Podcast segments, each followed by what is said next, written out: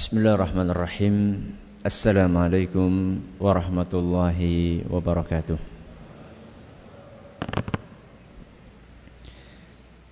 الحمد لله رب العالمين وبه نستعين على أمر الدنيا والدين وصلى الله على نبينا محمد وعلى آله وصحبه أجمعين أما بعد Kita panjatkan puja dan syukur kehadirat Allah Tabaraka wa Ta'ala. Pada kesempatan malam yang berbahagia kali ini Kita kembali diberi kekuatan, kesehatan, hidayah serta taufik dari Allah Jalla wa Ala. Sehingga kita bisa kembali menghadiri pengajian rutin Malam Sabtu di Masjid Jenderal Sudirman Purwokerto ini. Kita berharap Semoga Allah Tabaraka wa Ta'ala berkenan untuk melimpahkan kepada kita semuanya ilmu yang bermanfaat sehingga bisa kita amalkan sebagai bekal untuk menghadap kepada Allah Jalla wa Ala. Amin ya rabbal alamin. Salam dan salam semoga senantiasa tercurahkan kepada junjungan kita Nabi besar Muhammad sallallahu alaihi wasallam kepada para sahabatnya, keluarganya dan umatnya yang setia mengikuti tuntunannya hingga di akhir nanti. Bapak-bapak dan ibu-ibu sekalian yang kami hormati dan juga segenap pendengar atau pemirsa Yufi TV yang semoga senantiasa dirahmati oleh Allah Azza wa Jalla. Pada pertemuan terakhir kita kita telah membahas adab memenuhi undangan. Kita awali dengan adab yang mengundang Kemudian kita lanjutkan dengan adab orang yang diundang. Dan terakhir kita membahas adab yang keberapa? Yang keempat. Adab yang keempat dari adab orang yang diundang. Dan hari ini insya Allah kita akan menyelesaikan pembahasan tentang adab orang yang diundang. Empat adab kita akan bahas insya Allah pada malam hari ini uh, lima adab insya Allah sehingga nanti totalnya ada sembilan adab.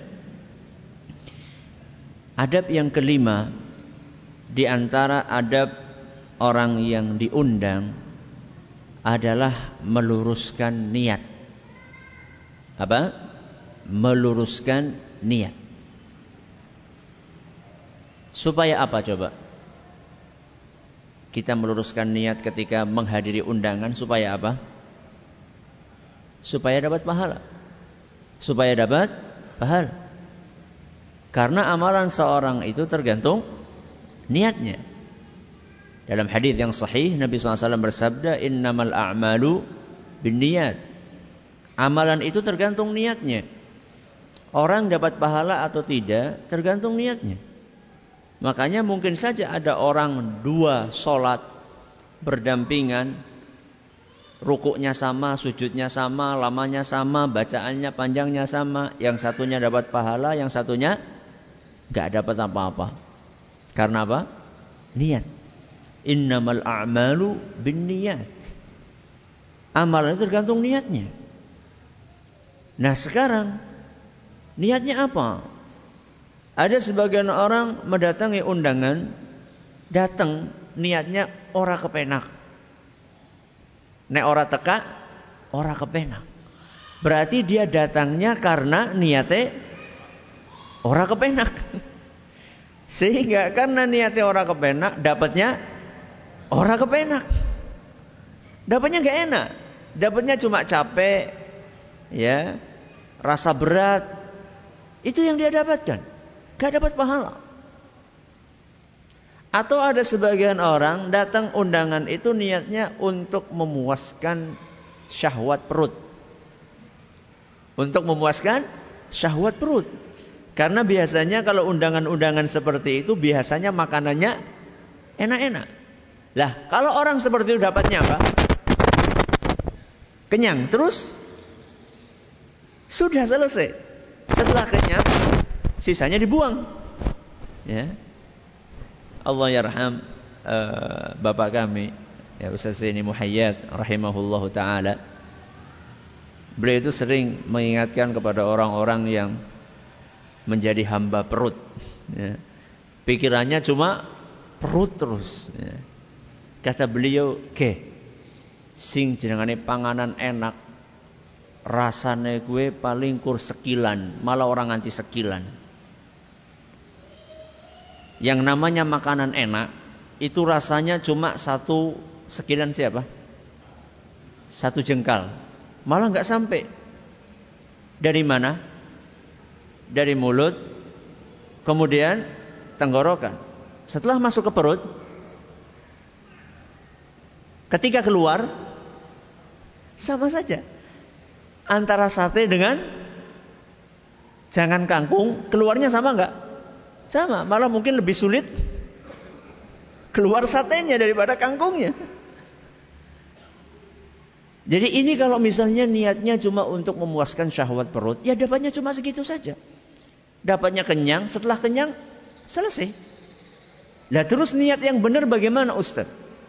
Niat yang benar ketika orang mendatangi sebuah undangan satu. Niatnya ibadah.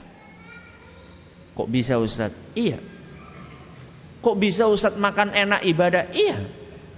Jadi jangan digambarkan Jangan dibayangkan ibadah itu selalu sesuatu yang konotasinya nggak enak.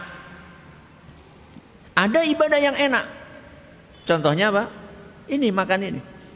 Termasuk contoh ibadah yang enak yang lainnya yang dituturkan oleh Nabi kita Muhammad sallallahu alaihi wasallam wa fi bud'i ahadikum sadaqah. Sesungguhnya kalian berhubungan suami istri itu dapat pahala sodakoh. Pahala apa? Sodakoh. Ini ibadah yang enak atau tidak? Ibadah yang enak. Makanya ada salah seorang sahabat yang bertanya kepada Rasulullah SAW. Ya Rasulullah, ayati ahaduna syahwatahu. Wahai Rasul, kita ini memuaskan syahwat kita, masa dapat pahala? Karena image-nya ibadah kan sesuatu yang berat, capek, ya membutuhkan pengorbanan.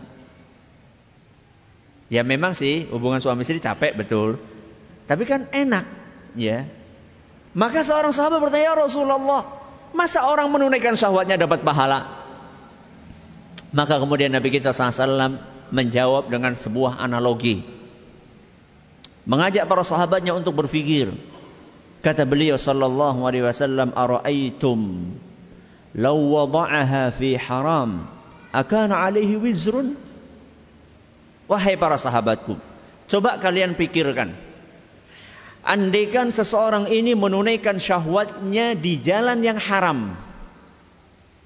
Di jalan yang haram. Apa maksudnya jalan yang haram? Bukan sama pasangannya yang sah. Bukan sama pasangannya yang sah. Ya. Apakah dia akan mendapatkan dosa? Dapat dosa enggak? Dapat. Maka kata Nabi SAW, kebalikannya, manakala dia menyalurkan syahwatnya di jalan yang benar, maka dia akan mendapatkan pahala. Nabi mengajak para sahabat untuk berpikir pakai analogi.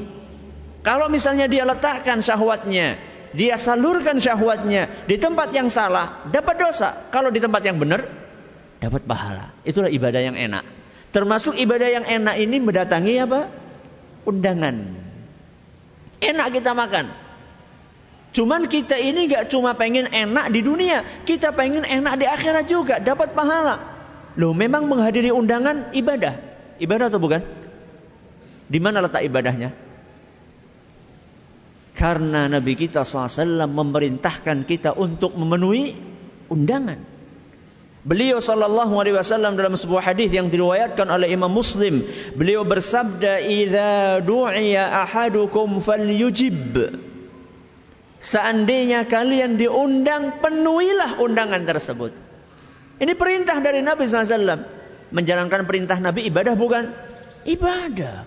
Dapat pahala enggak? Dapat pahala. Inilah pentingnya menghadirkan niat. Kadang-kadang ini yang kurang kita perhatikan kita mijeti ibu kita. Banyak di antara kita sekedar ya wanu kongkon ya mijeti. Ya kita cuma dapat Sekedar dapat sesuatu yang sifatnya duniawi, pahalanya belum tentu. Atau ketika kita memberi bantuan kepada orang cacat, kita memberi bantuannya hanya karena belas kasihan. Gak dapat pahala. Gak ada niatnya, gak ada niat mencari pahala dari Allah Subhanahu wa taala. Makanya menghadirkan niat itu penting sekali. Makanya ada salah seorang ulama mengatakan saya bercita-cita berharap ada seorang ustadz, seorang ulama, seorang mubalik yang pengajiannya sabendina masalah niat. Seumur-umur spesialisasi apa? Niat. Karena saking pentingnya niat tersebut. Jadi kita menghadiri undangan, apa tadi niatnya? Untuk ibadah, mentaati perintah Nabi SAW. Supaya dapat pahala. Niat yang lurus lainnya, itu niatnya ibadah. Niat yang kedua, yang benar di dalam memenuhi undangan adalah untuk menghormati yang mengundang dan membahagiakan hatinya. Jadi kita diundang, kita datang untuk menyenangkan dia, membahagiakan hatinya. Emang kenapa Ustaz?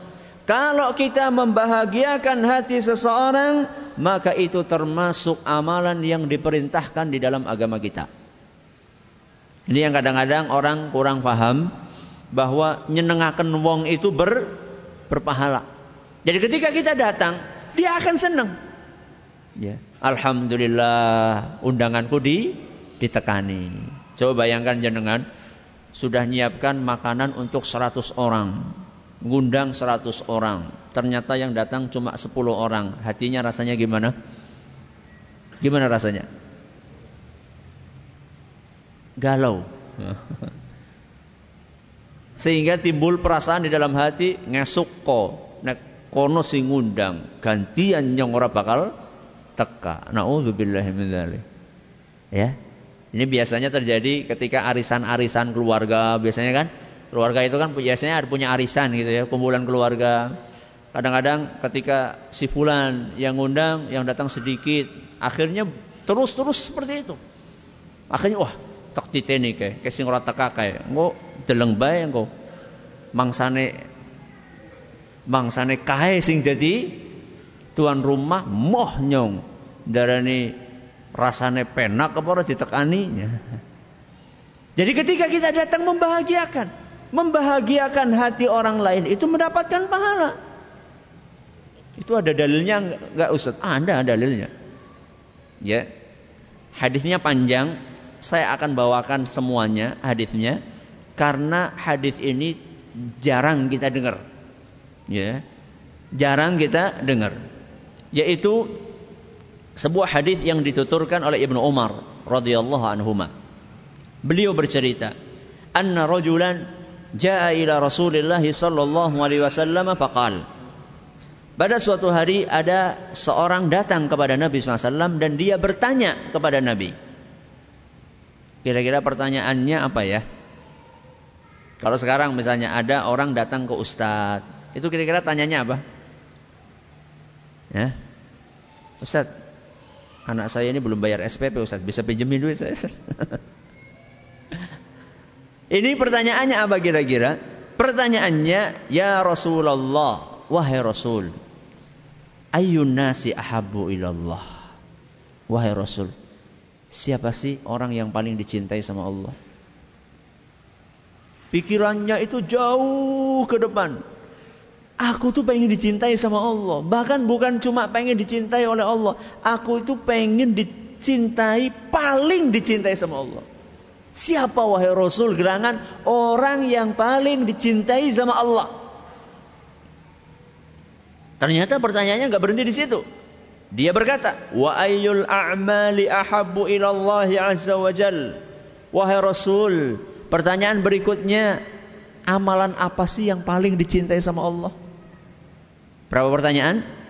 Dua. Yang pertama tanya siapa? Yang kedua apa? Dan ini yang pertanyaan ini pinter nih.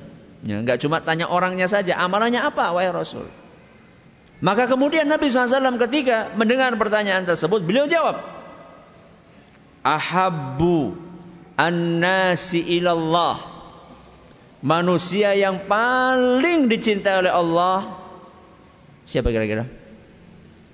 Sing paling rajin tahajud? Sing paling rajin salat Tuhan eh? Apa kira-kira? Hah? Ahabbun nasi ilallah anfa'uhum linnas.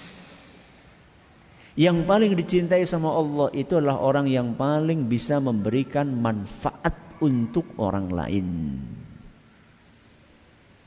Alias bukan orang-orang yang egois.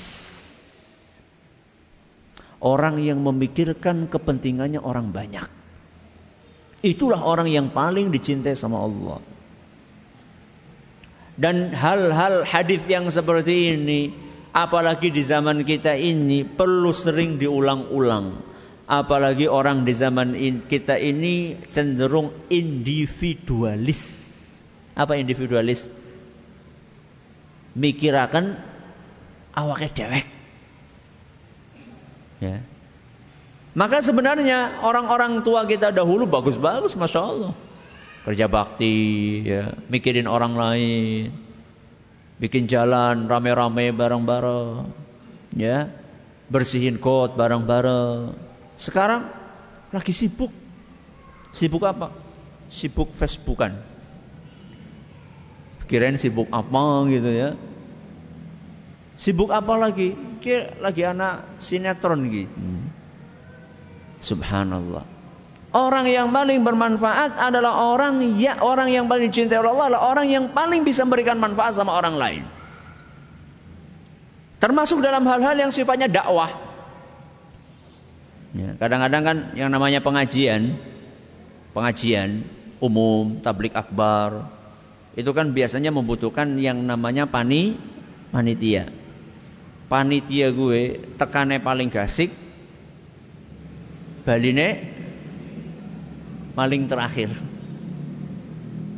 Yang lainnya belum ada datang jam 9 dia jam 6 sudah datang bersih-bersih siap-siap son karpet hijab ngatur tempat parkir. Datang paling gasik. Ketika pengajian seliwar seliwar seliwar seliwar. Akhirnya dengarnya cuma sedikit Ketika yang lain sudah pada pulang, dia masih ngelipeti karpet, ngumpulakan sampah, nyapu.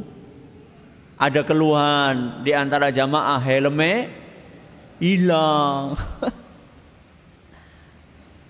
Makanya tidak banyak orang yang mau jadi panitia. Mergane apa? Kesel. Akan tetapi justru mungkin orang yang seperti itulah yang paling dicintai sama Allah. Karena memberi manfaat sama orang lain. Panitia pembangunan masjid. Enaknya apa? Sudah pulang dari kantor, waktunya istirahat, ini menggalang dana ke sana kemari. Gak digaji, kecuali kalau misalnya orang itu lumayan kayaknya jadi bendahara ya 10% lah. Bukan itu, ya. Tapi betul-betul dia tulus. Ini masjid di kampung saya, masa sih kita nggak punya masjid, sedangkan tempat ibadah orang lain, agama lain besar-besar, masa kita nggak punya? Mikirin, mikirin orang lain. Itulah orang yang paling bermanfaat. Makanya kegiatan sosial di dalam agama kita itu sangat dianjurkan. Memikirkan orang lain. Ya. Inilah orang yang paling dicintai sama Allah. Ini jawaban pertanyaan yang pertama. Jawaban pertanyaan yang kedua. Apa tadi pertanyaan yang kedua? Amal yang paling dicintai oleh Allah. Inilah yang akan merupakan yang perlu kita garis bawahi kaitannya dengan masalah memasukkan rasa gembira kepada orang lain. Kemudian Nabi kita SAW melanjutkan wa ahabbul a'mali ilallah. Adapun amalan yang paling dicintai oleh Allah sururun rasa bahagia tudkhiluhu ala muslim rasa bahagia yang engkau masukkan ke hatinya seorang muslim nyenengakan wong Amalan yang paling dicintai oleh Allah Subhanahu wa taala membuat orang lain bahagia. Wahai orang-orang yang menginginkan kebahagiaan. Pengen bahagia? Pengen. Membahagiakan orang lain itulah cara supaya kita bahagia. Dan ini hanya bisa dipahami dengan bahasa iman. Nah orang beriman orang percaya orang. Senengnya apa? Bagi panganan mengwong dia. Entong panganannya. Itu orang nggak beriman itu seperti itu. Kalau nggak pakai bahasa iman, nggak percaya. Tapi orang yang beriman percaya dia. Kalau kita pengen bahagia, bikin orang bahagia. Makanya sering kita temukan orang-orang yang subhanallah. Dia rela untuk berbagi makanannya. Bahkan mungkin kebanyakan makanan dia bagian dia agak agak apa ya? Gak kenyang gitu loh. Akan tetapi ketika ngelihat ada orang kenyang, senang gitu. Lihat ada anak yatim, gembira, tertawa karena mendapatkan sepatu, baru tapi bekas. Ya karena anaknya ini sepatunya koleksinya ada sebagian anak subhanallah koleksi sepatu gue nanti saya pernah baca di mana gitu ya. Jadi nanti kamarnya udah cukup. Jadi sepatunya dijejer-jejer, jejer, jejer, jejer, jejer. Nanti kamarnya udah cukup. Ya Allah. Itu ada orang yang nyeker berangkat sekolah. Apa orang kepikiran? Dikasih satu, dua, tiga, empat. Lihat orang tersenyum, seneng. Itulah amalan yang dicintai dan paling dicintai oleh Allah Subhanahu wa taala. Termasuk menghadiri undangan itu membahagiakan orang lain. Berarti ketika panjenengan meniatkan menghadiri undangan untuk membahagiakan orang lain, panjenengan telah melakukan suatu amalan yang paling dicintai sama Allah. Ini amalan yang dicintai sama Allah kira-kira wongnya dicintai atau tidak? Ya insya Allah lah. Ya. Berarti ketika kita meniatkan menghadiri undangan tersebut untuk membahagiakan orang lain, maka insya Allah kita akan menjadi orang-orang yang dicintai sama Allah. Kalau kita sudah dicintai sama Allah, minta apa aja kira-kira dikasih nggak? Dikasih sama Allah Subhanahu Wa Taala. Masih ada kelanjutannya hadis ini. Dilanjutkan nggak nih hadisnya nih? Panjang ini hadisnya. Gak apa-apa ya? Gak apa-apa. Amalan yang paling dicintai oleh Allah akan disebutkan banyak oleh Nabi. Yang pertama tadi apa? Membahagiakan orang lain. Yang kedua kata Nabi SAW, takshifu anhu kurbatan. Yang kedua adalah menghibur orang yang sedang susah. Menyenangkan orang yang sedang kebingungan, kesulitan. Ya. Ada orang kehabisan bensin di tengah jalan, nuntun, ya. Dia lewat di depan toko kita, dia cuma ngelirik saja, nggak beli bensin. Dari penampilannya kita bisa memahami, oh ini orang nggak punya duit. Kasih jenengan satu liter. Coba kalau jenengan posisinya kayak orang tersebut. Nuntun motor, panas ya. Kalau nggak pakai helm keton naik nganggo helm sumuk. Itu kan buah simalakama ya. Nuntun motor mandan kepriwe kan? Nuntun motor itu kan sesuatu yang orang aduh kepriwe ya. Ketok keton. Keton naik bensinnya kentongan. Kalau misalnya kita posisinya seperti dia kemudian tahu-tahu ada orang nawari monggo mas pinara ini bensinnya saya kasih. Senang atau tidak? Senang. Ya, jangan ngasih bensin. Jangan lupa ya mas, bunganya mas. Nah, bensin beti bunga ini kebangetan gitu. Jadi kita menghibur orang lain, mengangkat kesedihan supaya dia nggak sedih, supaya dia nggak galau. Itu adalah ibadah yang dicintai oleh Allah Subhanahu wa taala. Kemudian yang ketiga, Amalan yang paling dicintai oleh Allah. Kata Nabi SAW, Au taqdi anhu dainan. Ngelunasi utange wong liya. Melunasi hutangnya orang lain. Apalagi kalau orang tersebut memang orang yang betul-betul nggak mampu dan kita tahu orang ini dijerat sama rentenir alias orang yang terjerat dengan pusaran riba. Ketika kita tahu dia orang yang memang betul-betul orang yang kepepet dan kalau misalnya dia nggak segera lunasi rumahnya bakalan disita. Dan ini kadang-kadang tidak disadari oleh orang yang ngutang dengan bunga. Ketika akan ngutang, bunganya pira kecil kok satu setengah persen saja. Pikirannya satu setengah persen. Oh paling utang 100 juta berarti balik kene satu setengah persennya berapa? Satu seratus satu lima ratus seratus satu juta lima ratus sedikit kan? Jebule satu setengah persen per bulan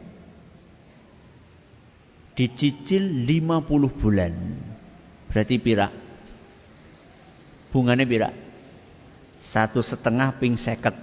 Berapa berarti? 75 persen. Ini orang kadang-kadang nggak sadar dia. Ya, tertipu ya dengan tawaran-tawaran manis. Memang yang namanya orang nawaran utang gue mesti manis banget. Orang nana nawaran utang, ke, utang apa? Gak Ini bunganya kecil, nanti ada potongan ini, potongan ini, potongan ini. Rasa percaya. Ya. Membantu orang-orang yang terlilit utang itu salah satu ibadah yang sangat dicintai sama Allah Subhanahu wa taala. Au tatruda anhu ju'an. Yang keempat adalah membantu orang menghilangkan rasa lapar alias membuat orang kenyang. Kadang-kadang kita ini nggak sadar, lagi makan di warung, ada anak kecil ngeliatin gitu. Kok ya paham ya?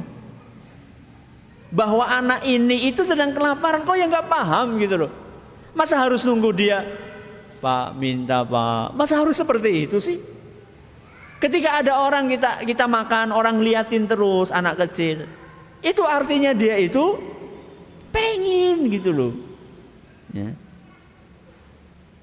Kita punya makanan di rumah ada anak tetangga miskin ngeliat datang ngeliatin saja itu artinya dia butuh, dia pengen, kasih dia. Itu dicintai sama Allah Subhanahu wa taala. Ini yang keberapa? Yang keempat. Kemudian Nabi SAW menyampaikan sabdanya. Yang subhanallah akan membuka mata kita betapa membantu orang lain itu sangat besar pahalanya. Kata beliau, "Wala an amshiya ma'a akhin li fi hajatin." Aku berjalan dengan saudaraku untuk membantu urusannya. Ahabbu ilayya lebih aku sukai. Jadi saya jalan bareng sama saudara saya membantu urusannya. Urusan utang ke, urusan tanah, urusan birokrasi. Saya berjalan membantu saudara saya. Urusan dia sampai selesai. Ahabbu ilayya. Lebih aku sukai. Min an a'taqifa fi hadzal masjid.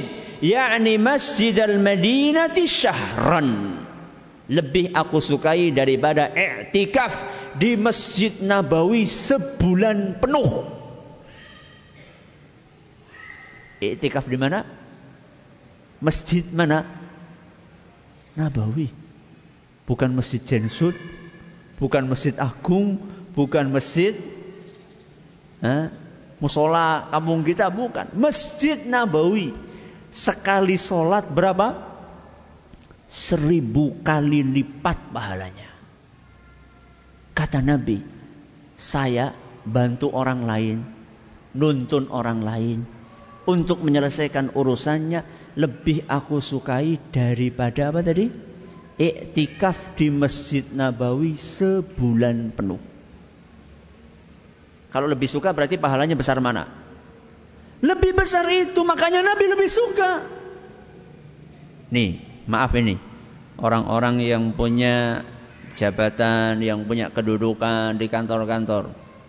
Mulai detik ini buang prinsip kalau memang bisa dipersulit. Kenapa?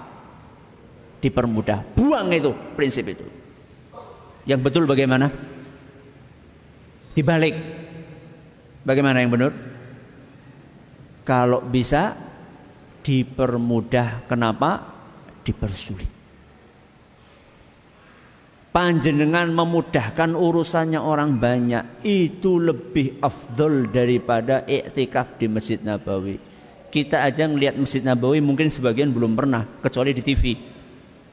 Ini kita nggak usah ke sana, dapat pahala lebih besar daripada orang yang iktikaf di sana. Kecuali kalau memang aturannya seperti itu. Nah, nanti jangan-jangan panjenengan pulang dari pengajian, ini aturannya wis tabrak baik. Jangan. Kalau memang aturannya seperti itu, seperti itu. Tapi kalau memang aturannya bikin KTP sejam, kenapa mesti seminggu? Ya. Kalau memang aturannya bisa bikin urusan ini cepat, kenapa dipersulit? Ya. Kalau memang gratis, kenapa bayar? Ya. Kecuali kalau memang bayar, aturannya bayar ya minta tolong dong sewu PP-nya mana gitu loh. Jangan mempersulit urusannya orang lain, permudah urusan mereka. Sudah. Kemudian Nabi SAW melanjutkan sabdanya. Waman kaffa ghadabahu satarallahu auratah. Barang siapa yang menahan amarahnya maka Allah akan menutup aibnya. Itu kalau panjenengan lagi kesuepol, ya panjenengan tahan itu kemarahan. Maka Allah akan tutupi aib-aib panjenengan. Selanjutnya kata Nabi SAW, "Wa man kadhama ghaidhahu walau sya'an yumdiyahu amdah." Barang siapa yang bisa menekan emosinya ketika akan memuncak, padahal dia mampu untuk meluapkan emosinya pembantu melakukan kesalahan. Kira-kira majikan bisa nggak melampiaskan emosinya? Bisa. Kalau dia bisa tahan itu kata Nabi SAW, mala Allahu Azza wa Jalla qalbahu amnan yaumal qiyamah. Allah akan penuhi hatinya dengan perasaan aman nanti pada hari kiamat. Jadi hari kiamat ketika orang lagi bingung surga apa neraka, dia tenang. Karena ketika di dunianya dia bisa menahan emosinya. Menahan emosi itu gimana Ustadz? Kalau lagi marah mulutnya ditutup, tangannya ditahan. Itu namanya menahan marah. Angel ora? Panjenengan lagi marah sama anak, mulut cep. Enggak, jangan ngomong. Bisa enggak? Bisa enggak? Penaknya nek wong lagi kesu ngomong. Tapi biasanya nek wong lagi kesu ngomong sing metu sing sikile sapi. Kalau orang lagi emosi itu biasanya keluar yang jelek-jelek. Makanya Nabi pesan, "Idza ghadibta faskut." Kalau kamu lagi marah, diem. Itu pesan dari Nabi SAW. Tangannya juga sama. Aja meneng tapi tangannya bet. Enggak, tahan semuanya. Itu namanya menahan emosi. Kalau kita bisa menahan emosi, maka hati kita akan dipenuhi rasa aman nanti pada hari kiamat. Terakhir kata Nabi SAW, "Waman masya ma'a akhihi fi hajatin hatta athbataha."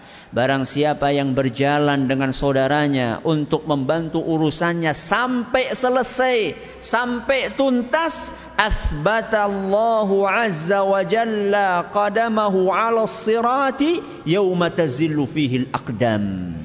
Barang siapa yang mau berjalan membantu saudaranya urusannya sampai tuntas sampai selesai, maka nanti pada hari kiamat ketika dia berjalan di atas sirat jembatan yang mengantarkan seorang menuju ke surga. Di bawahnya apa? Neraka. Allah akan jadikan kakinya itu bisa tegak dan tidak akan kepleset. Hadis riwayat At-Tabarani dan dinyatakan hasan oleh Syekh Al-Albani. Ini adab yang keberapa? Lima. Meluruskan niat. Adab yang keenam di antara adab menghadiri undangan tidak membuat pengundang gelisah. Tidak membuat Pengundang gelisah. Kira-kira dengan apa itu? Dengan berlama-lama nggak datang. Sudah diundang jam 7, suruh ngasih sambutan, malah datangnya jam jam berapa? Jam 11. Kecuali kalau ada urusan itu lain masalah. Ya, kalau ada urusan tidak apa-apa. Akan tetapi sengaja nelat-nelati ya supaya dianggap menjadi orang orang orang penting, orang penting, Bro. Nah, ngundang gue ya kayak gue kudune. Ya. Jangan. Itu tidak boleh. Jangan membuat gelisah orang yang mengundang karena terlambat dan juga jangan datang sebelum waktunya. Urung mateng wis teka.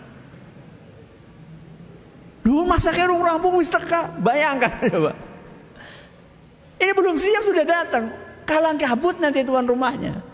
Jadi sama. Kecepatan orang, ketelatan ya orang. Kecuali ada kecualinya. Kalau memang nggak bisa datang kecuali pada waktu itu dan ngabari. Nung sewu ya ngesuk nyong tekannya gasik. Ya. Urung matang ya ora apa-apa. Ya. Jadi orang saya repot-repot, nggak belum matang nggak. Yang penting saya mau menghadiri undangan ini menyenangkan kamu itu saja. Ya, ini adab yang keberapa? Enam. Yang ketujuh, menjaga etika ketika hadir di undangan, tempat undangan. Menjaga apa? Etika. Etika itu kira-kira dalam bahasa Arab itu istilahnya muruah. Ya. Para ulama kita menjelaskan yang namanya muruah etika itu nggak harus ada dalilnya. Etika itu nggak harus ada dalilnya. Contoh, duduk di depan jegang, etis nggak? Saya ini tapi jangan praktek lah saya. Mau di shooting kok masa praktek jegang. nah sekarang kalau saya jegang di depan ini. Haram nggak? Haram nggak? Dalilnya mana haram? Quran ini, hadis ini. Tapi etis nggak? Etis nggak? Nggak etis. Yang namanya etika itu nggak harus ada dalilnya. Etika itu dikembalikan kepada kondisi kebiasaan orang bagaimana selama tidak menyelisih dalil. Contoh sekarang saya tanya. Khatib, khatib Jumat. Pakai kaos. Pakai topi apa? Bisbol. Miring. Khutbahnya sah ora? Sah enggak? Mana dalilnya yang mengharamkan? Tapi etis apa enggak? Enggak etis. Etika itu enggak harus pakai dalil. Etika itu berdasarkan keumuman apa yang umum di masyarakat, keterangan para ulama. Ada seorang ulama nulis, nulis namanya buku judulnya Al-Muru'atu wa Khawarimuha. Etika dan hal-hal yang bisa menciderai etika tersebut. Tebalnya segini. Ya. Itu rata-rata nggak sebutkan dalil, tapi berdasarkan keumuman yang ada di masyarakat bagaimana. Nah, ketika orang menghadiri undangan, itu memperhatikan etika. Di antara etika apa? Kalau sudah hadir di undangan, Ya. Ikuti petunjuk dari tuan rumah. Kon jago mengendi manut. Itu etika. Ya. Kenapa Ustaz? Karena bisa jadi kita asal makbrek itu kursi sudah di sudah di apa namanya itu? reserve. sudah di sudah disiapkan untuk tamu yang lain. Ya. Itu contoh etika. Contoh etika juga. Ya. Kalau sudah duduk di situ tuh jangan bolak-balik niliki tempat metune panganan. Ya. Jadi kalau misalnya sudah duduk di situ, panganan metune sekarang sih apa maning sing metu. Oke wis kayak oh kayak urung tekangan maning bolak-balik bolak-balik. Itu etika. Dan ini nggak perlu dalil. Nggak perlu apa? Dalil. Ya. Termasuk etika juga, ya. Termasuk etika juga adalah nggak usah nyerobot antrian. Ini biasanya karena saking kencote ya, datang kemudian antriannya panjang, akhirnya nyerobot. Sudah masuk waktu adanya? Ya. Yeah. Uh, kita lanjutkan insyaallah habis ada. Silakan. Alhamdulillahirabbil wassalatu wassalamu ala nabiyina Muhammadin wa ala alihi washabbihi ajmain wa ba'd. Etika yang kedelapan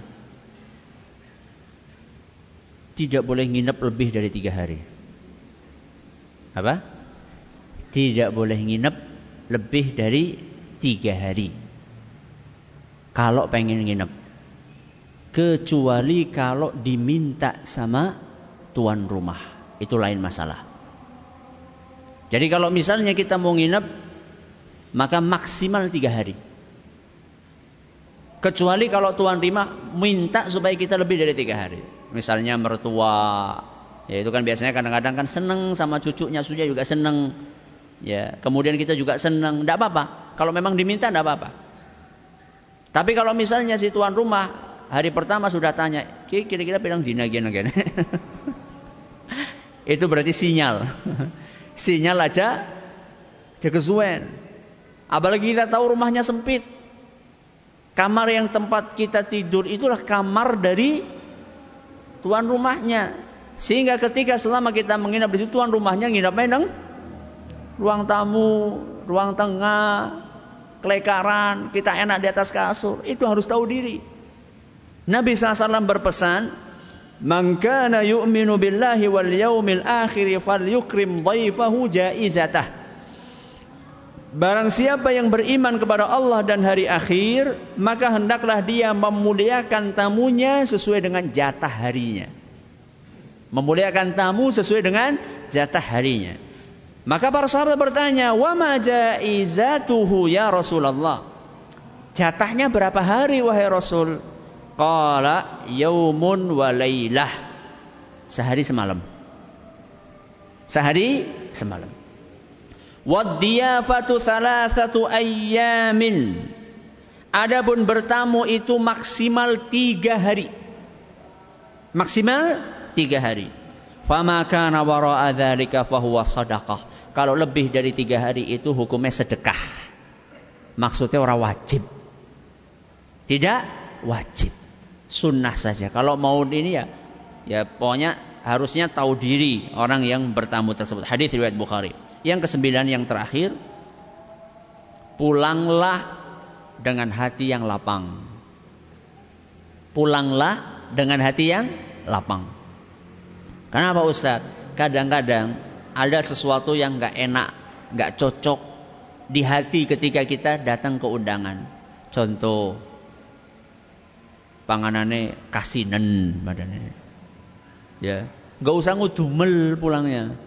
Atau misalnya jenengan nggak kebagian ayame, ya. sisane kur dari koredane tok, sudah pulanglah dengan hati yang lapang. Ya, kenapa? Karena hati yang lapang itu akhlak yang mulia. Dan dengan akhlak yang mulia seorang muslim bisa mengalahkan orang yang rajin tahajud dan rajin puasa dengan akhlak mulia.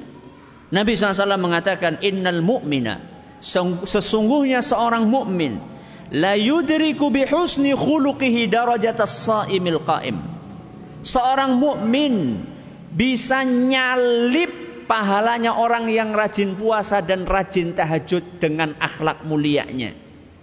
Hadis riwayat Abu Daud nyatakan sahih sekali Albani. Jadi kalau panjenengan tahajud gue Senin Kemis, puasane untuk Senin Kemis puasane puasane Ramadan tok kuate maka jenengan kejar dengan apa? akhlak yang mulia. Berarti akhlak mulia tok ora salat ora apa-apa Ustaz. Ya ora ya. Ya papa. Ya, bukan ora apa-apa, papa. Karena Nabi tadi mengatakan innal mu'mina, seorang mukmin. Ora salat ya udah mukmin. Ya. Nabi mengatakan bicara tentang orang yang mukmin, maksudnya yang sholatnya iya, puasanya iya, tam, cuman ini termasuk pahalanya banyak banget, bisa dengan akhlak mulia, mengejar dengan akhlak mulia. Makanya itulah indahnya Islam. Pintu kebaikan itu banyak. Ada orang pintunya lewat tahajud, ada orang pintunya lewat puasa, ada orang pintunya lewat sedekah, ada orang pintunya bantu orang lain, ada orang pintunya mesem. Itu pintu kebaikan juga. Ya. Makanya semakin banyak pintu itu, maka akan semakin besar peluang kita untuk masuk ke dalam surga Allah Subhanahu wa taala. Ini yang bisa kami sampaikan pada kesempatan kali ini dan terakhir eh, kami mohon maaf kepada para pendengar radio Insani ya, yang setia mengikuti siarannya ini sudah dua hari tidak siaran karena ada salah satu alat yang rusak. dan alatnya lumayan mahal banget. Bukan lumayan, tapi mahal lepol. Sekian puluh juta. Sehingga membutuhkan waktu untuk memperbaiki. Semoga Allah subhanahu wa ta'ala memudahkan untuk bisa siaran kembali. Ini yang dapat kami sampaikan. Terima kasih atas perhatiannya. Mohon atas segala kurangnya. Kita tutup dengan membaca Subhanakallahumma wa bihamdika asyhadu an la ilaha illa anta astaghfiruka wa atubu. Assalamualaikum warahmatullahi wabarakatuh.